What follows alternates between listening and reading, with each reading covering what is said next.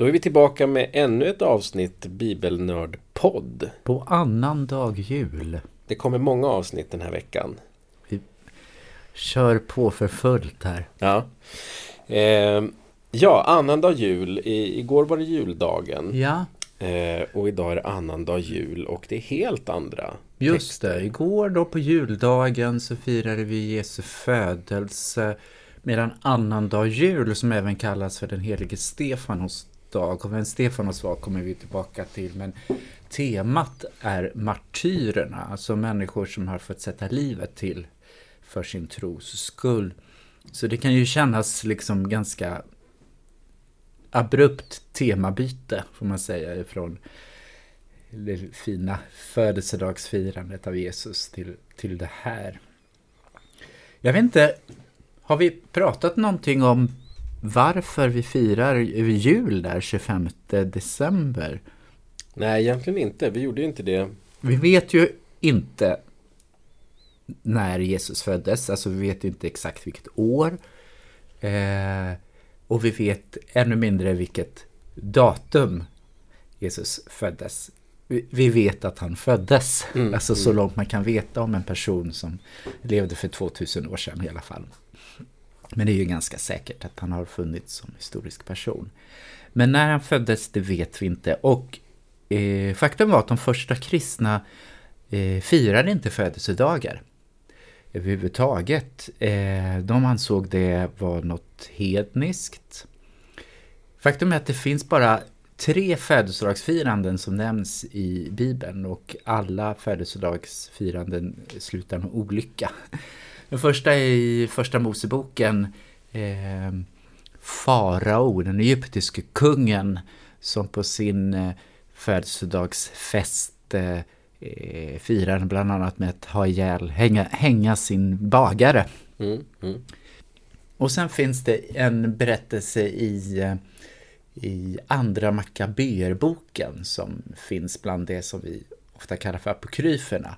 Om Antiochos Epifanes som var en, eh, en av de värsta kungarna sedda alla fall judarnas håll och som kanske till och med lite eh, är den som har gett bakgrunden till vilddjuret The Beast. Så, och eh, han firade sin födelsedag en gång i, i, månaden. Mhm. Eh, och då så tvingade han judarna att äta mat som inte var kosher. Det var hans sätt att fira födelsedag på för att förnedra dem. Och sen har vi ju det berömda födelsedagskalaset som kung Herodes Antipas hade som, som slutade med att eh, Johannes döparens huvud serverades på ett fat. Så man kanske kan förstå att eh, man tyckte inte att det fanns så mycket positivt kring födelsedagsfiranden. Nej. Men eh, sen så var det så, nu rör vi oss kanske 200-300-talet Mm. i Egypten. Där fanns det en kristen grupp eh, som började fira Jesu dop. Mm. Och de anknöt till en eh, hednisk högtid där som en vattenrit. Och eh, då anknöt de till den och den inföll den 6 januari. Mm. Eh, men det, var, det som var med den här gruppen var också att de menade att det var där Jesus blev Gud i dopet. Men andra kristna menade att Jesus har alltid varit Gud. Eh, Så därför lade de till till den här festen att man även skulle fira hans födelse. Ah, okej. Mm. Så den första födelsefesten var den 6 januari som är vår 13 jul. Mm. Men i Rom hade man samtidigt börjat fira Jesu födelse den 25 december. Och det finns lite olika teorier varför man valde just det datumet. Så, eh, och de två vanligaste teorierna, antingen, det här blir verkligen spekulationer, men man började spekulera i när blev Jesus till? Och så gick man tillbaka till skapelseberättelsen Mm. och funderade på när, vilket datum skapade Gud världen? Han måste ju ha skapat världen helt perfekt. Så att eh, till exempel dag och natt är exakt lika långa, alltså en perfekt skapelse. När är den det? Ja, den är ju det två gånger om året. Mm. Och så valde man då eh, eh, våren, eh, vad heter det då? Det heter ju Vårdagjämningen. Vårdagjämningen. Mm. Då skapade världen, skapade Gud världen, eller liksom började skapa världen. Mm. Och sen så eh, tänkte man att ja men då måste ju eftersom Gud är perfekt då måste liksom den nya skapelsen som börjar med Jesus den måste ju ha skett på samma datum.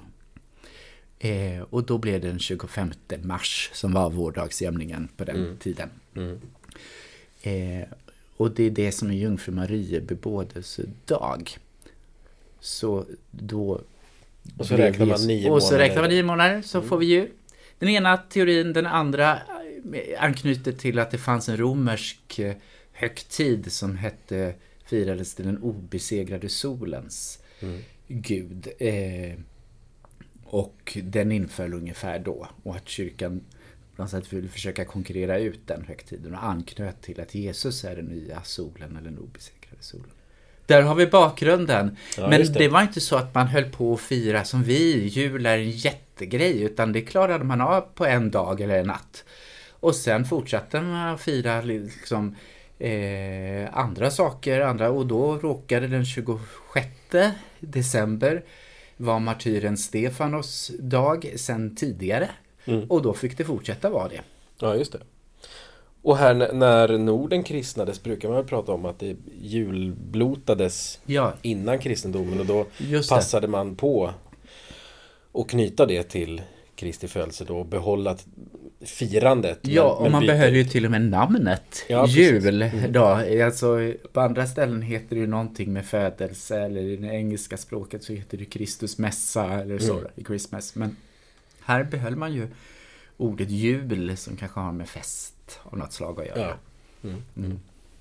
Ja, men det, det betyder alltså att vi nu då på annandag jul också eh, pratar om och läser om Stefanos. Just det. Mm.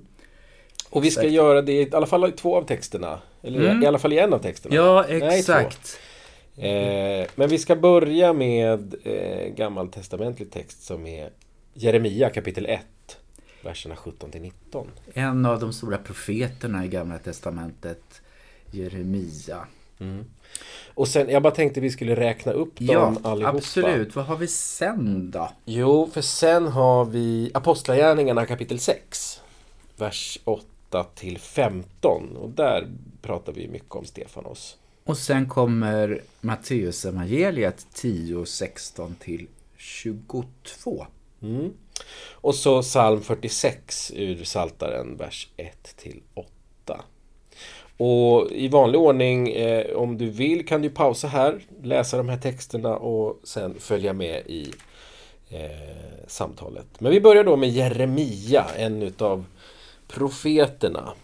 Och han, tänker man sig, levde på sådär 620 till 570-talet Mm, mm. före vår tideräkning. Två och ett halvt millennium sen. Det är ett tag sedan.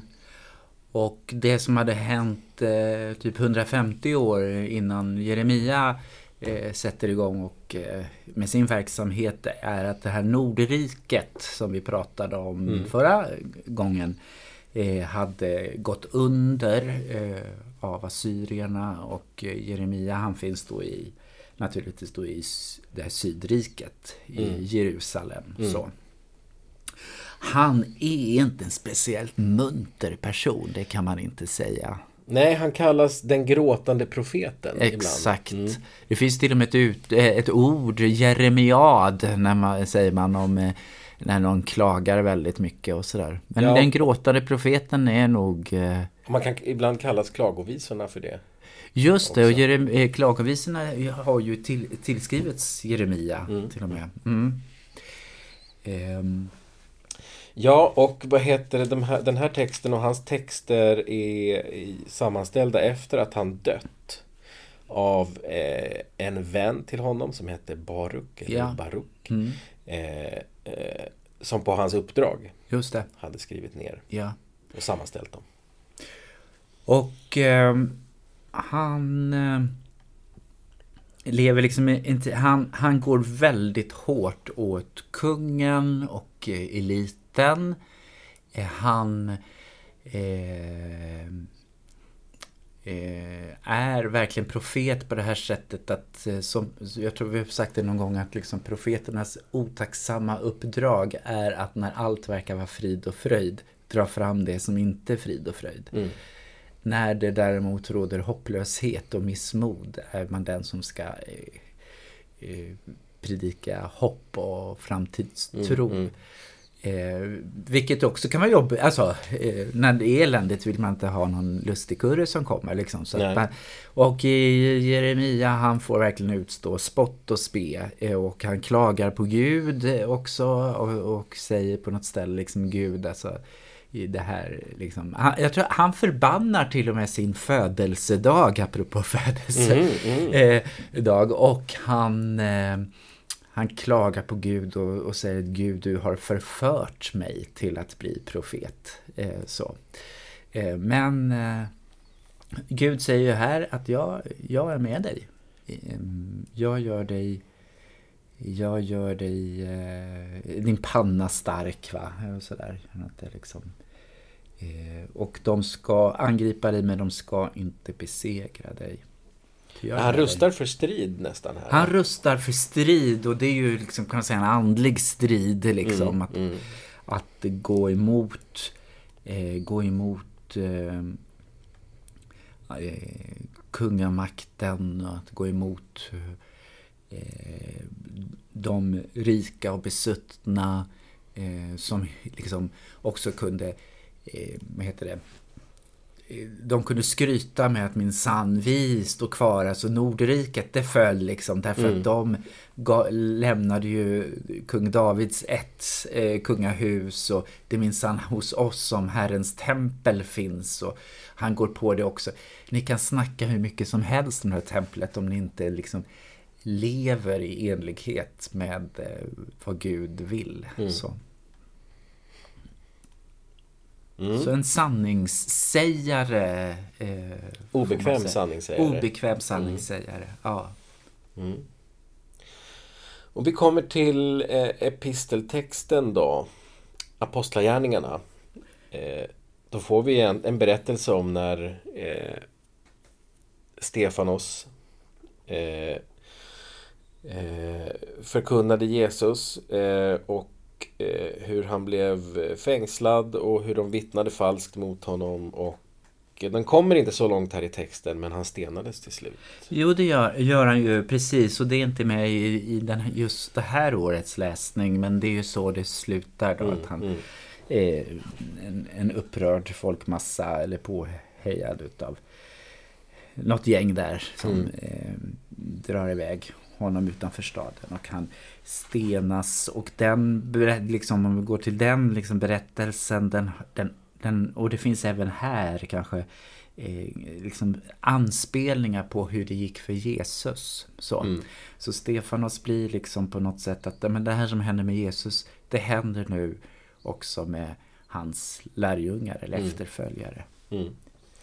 Och jag läste någonstans att Paulus som då hette Saul mm. vid den här tiden, han ingick i den här kretsen som... Ja, han fick visst vakta kläderna. De blev väl lite svettiga där när han skulle kasta alla stenar. Så att han sa, ja, men jag, jag kan vakta dem mot mm, er. Mm. Så att han tyckte det var bra det där som hände med Stefanos mm, då. Mm. Mm. Eh,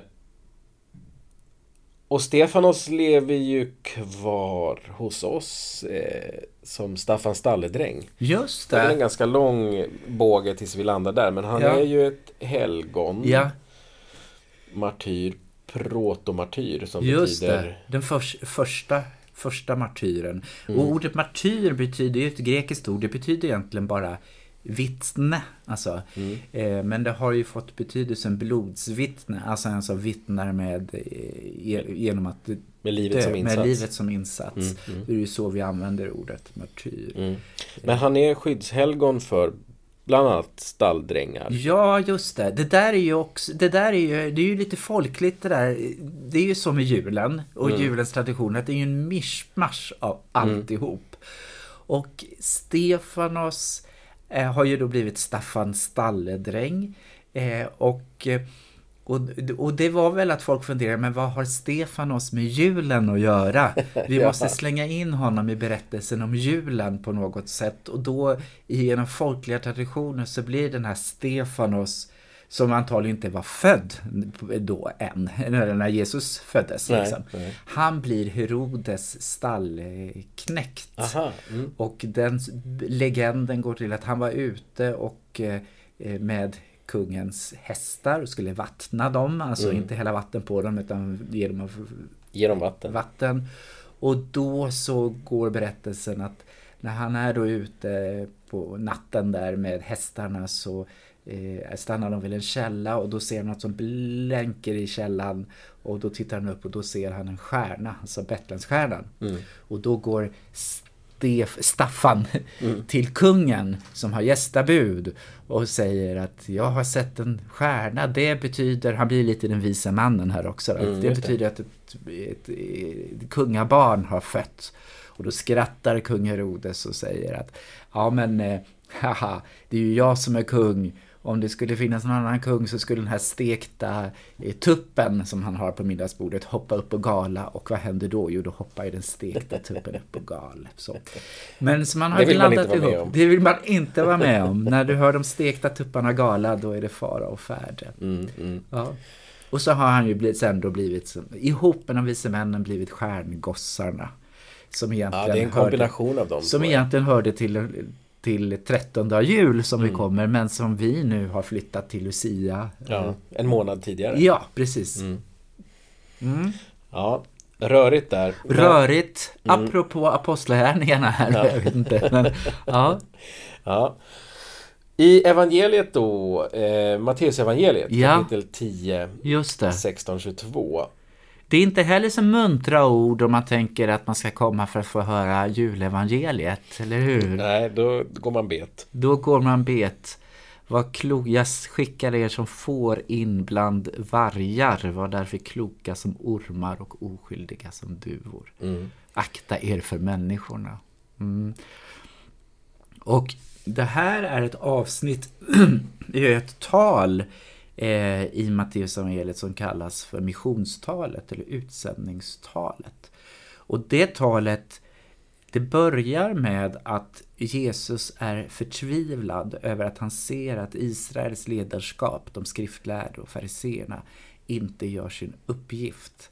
Eh, de, de är inte folket till hjälp, så att folket är som får utan herde. Och då säger han åt sina egna apostlar, nu får ni vara herdar, nu får ni eh, eh gå och förkunna Guds rike och bota de sjuka och hjälpa de svaga och uppväcka de döda till och med och sådär. Och då börjar talet med att han säger, men sen så glider det in i det här eh, vad de kommer möta. Så, eh, så vad som händer är att, att, att berättelse, Jesus-berättelsen liksom går liksom över till Matteus evangeliet, alltså Matte, författarens kanske eh, och, och de första åhörarna, eller de som han skrev till, den församlingens villkor på ett liksom man man märker liksom inte riktigt när det går över från det ena till det andra. Mm, Då är det ganska eh, snyggt, vackert gjort liksom för att Mm. eh, och, och barn ska göra uppror mot sina föräldrar och, det, och, och, och, och tvärtom. Och det, det är ju hemska saker. Men det är antagligen så att den här församlingen Matteus skriver till var som en, hade fått bli som en familj därför att de inte längre fick tillhöra sina, Sina andra familjer. sina Mm. familjer på grund av sin tro på Jesus. Mm, mm. Ja, och det, så, det blev väl lite så för Stefanos. Som ett får bland vargar så Ja. Ja. skickades han in Ja. framför rådet. Mm. Mm. Och slutligen en psalm, psalm 46. Vers Gud 1-8. är vår tillflykt och vår styrka, en hjälp i nöden som aldrig sviket. Därför räds vi inte om en jorden skälver och bergen störtar i havets djup. Och så vidare. Den här fortsätter ju liksom lite, kanske det här temat som fanns hos Jeremia. Alltså Mm. jag ska göra din panna eh, stark liksom. Du var inte rädd för, för de här hoten liksom. De, De kanske till och med kan skada dig, men de kan inte sk- skada ditt liksom, Mm. innersta. Sen så kan man då tycka att den slutar ju, alltså där inne bor Gud i, i, alltså i Jerusalem, Guds stad, den ska aldrig falla. Herren Sebaot är med oss, Jakobs Gud är vår borg. Det, å ena sidan har vi ju verkligen det här som Jeremia vänder sig mot. Ja. Eh, den här Sions teologin, eller temp, alltså att eftersom vi har templet hos oss så kan inte vår stad falla. Eh, så. Eh, medan Jeremia säger att det där kan vara en falsk trygghet. Eh, så. Mm. så att de på något sätt, de samspelar ju och samtidigt så, så står de faktiskt lite mot varandra. Mm. Mm. Den här salmen kanske har blivit mest känd genom att den också ligger till bakgrund till Martin Luthers kända psalm Vår Gud är oss en väldig borg. Den bygger på den här psalmen. Mm. Ja, spännande. Där är vi i hamn Ja, annandag jul. Men vi kommer tillbaka. det kan ni vara så säkra på. Och då är det söndagen efter jul. Ja, jag tror det. Vi måste kolla upp här om den, om den finns med i år. Jo då, det gör den. Det gör den. Det gör den. Då är det Så. söndagen efter jul eh, när vi hörs nästa gång. Ja. Ha det fint så länge. Ha det gott.